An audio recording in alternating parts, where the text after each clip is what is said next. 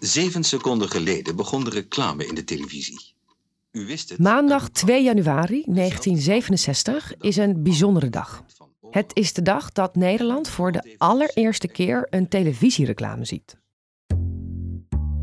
Het luidt een nieuw tijdperk in.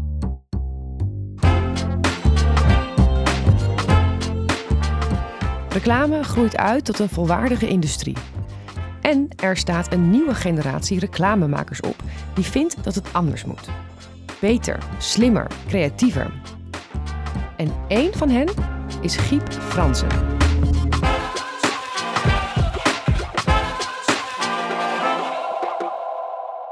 Dat je je klanten in de watten kon leggen en dat je heel goed tegen drank kon. En altijd pak je sigaretten binnen handbereik.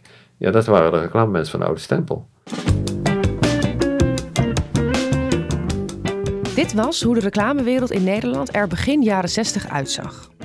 Het was een puur kartel. En voor creativiteit was niet zo heel veel ruimte. En Giep die vindt dat het anders moet.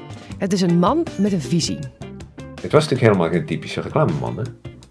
En juist omdat hij dus gewoon helemaal niet paste bij de ouderwetse stijl van reclame maken, daarom werkte dat zo goed.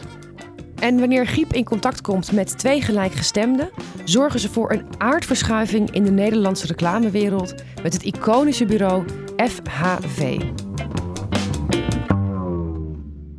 Ze begonnen eigenlijk als broekies en ze merkten ineens dat de ene na de andere grote klant zich kwam melden. Nou, dat was wel een rebellie eigenlijk, want ze werden wel met een scheef oog aangekeken hoor. Wat zijn die eigenlijk aan het doen en zo, weet je wel. Inmiddels wisten ze wel dat er iets aan de hand was daar. Giep is het verhaal van een van de grootste reclamemakers die ons land ooit heeft gekend. En de grondlegger van een compleet nieuwe industrie die nog tot op de dag van vandaag voortbouwt op zijn gedachtegoed en ideeën over merken. Giep is gewoon echt een, een enorme influencer geweest. Hij liep voor. En hij inspireert nog steeds. Giep is een Airborne Original podcast, gemaakt samen met SWOC, Stichting Wetenschappelijk Onderzoek Commerciële Communicatie. Deze serie is mede mogelijk gemaakt door ACE, Family of Leading Agencies, en Adformatie. Je kunt het nu beluisteren in je favoriete podcast app.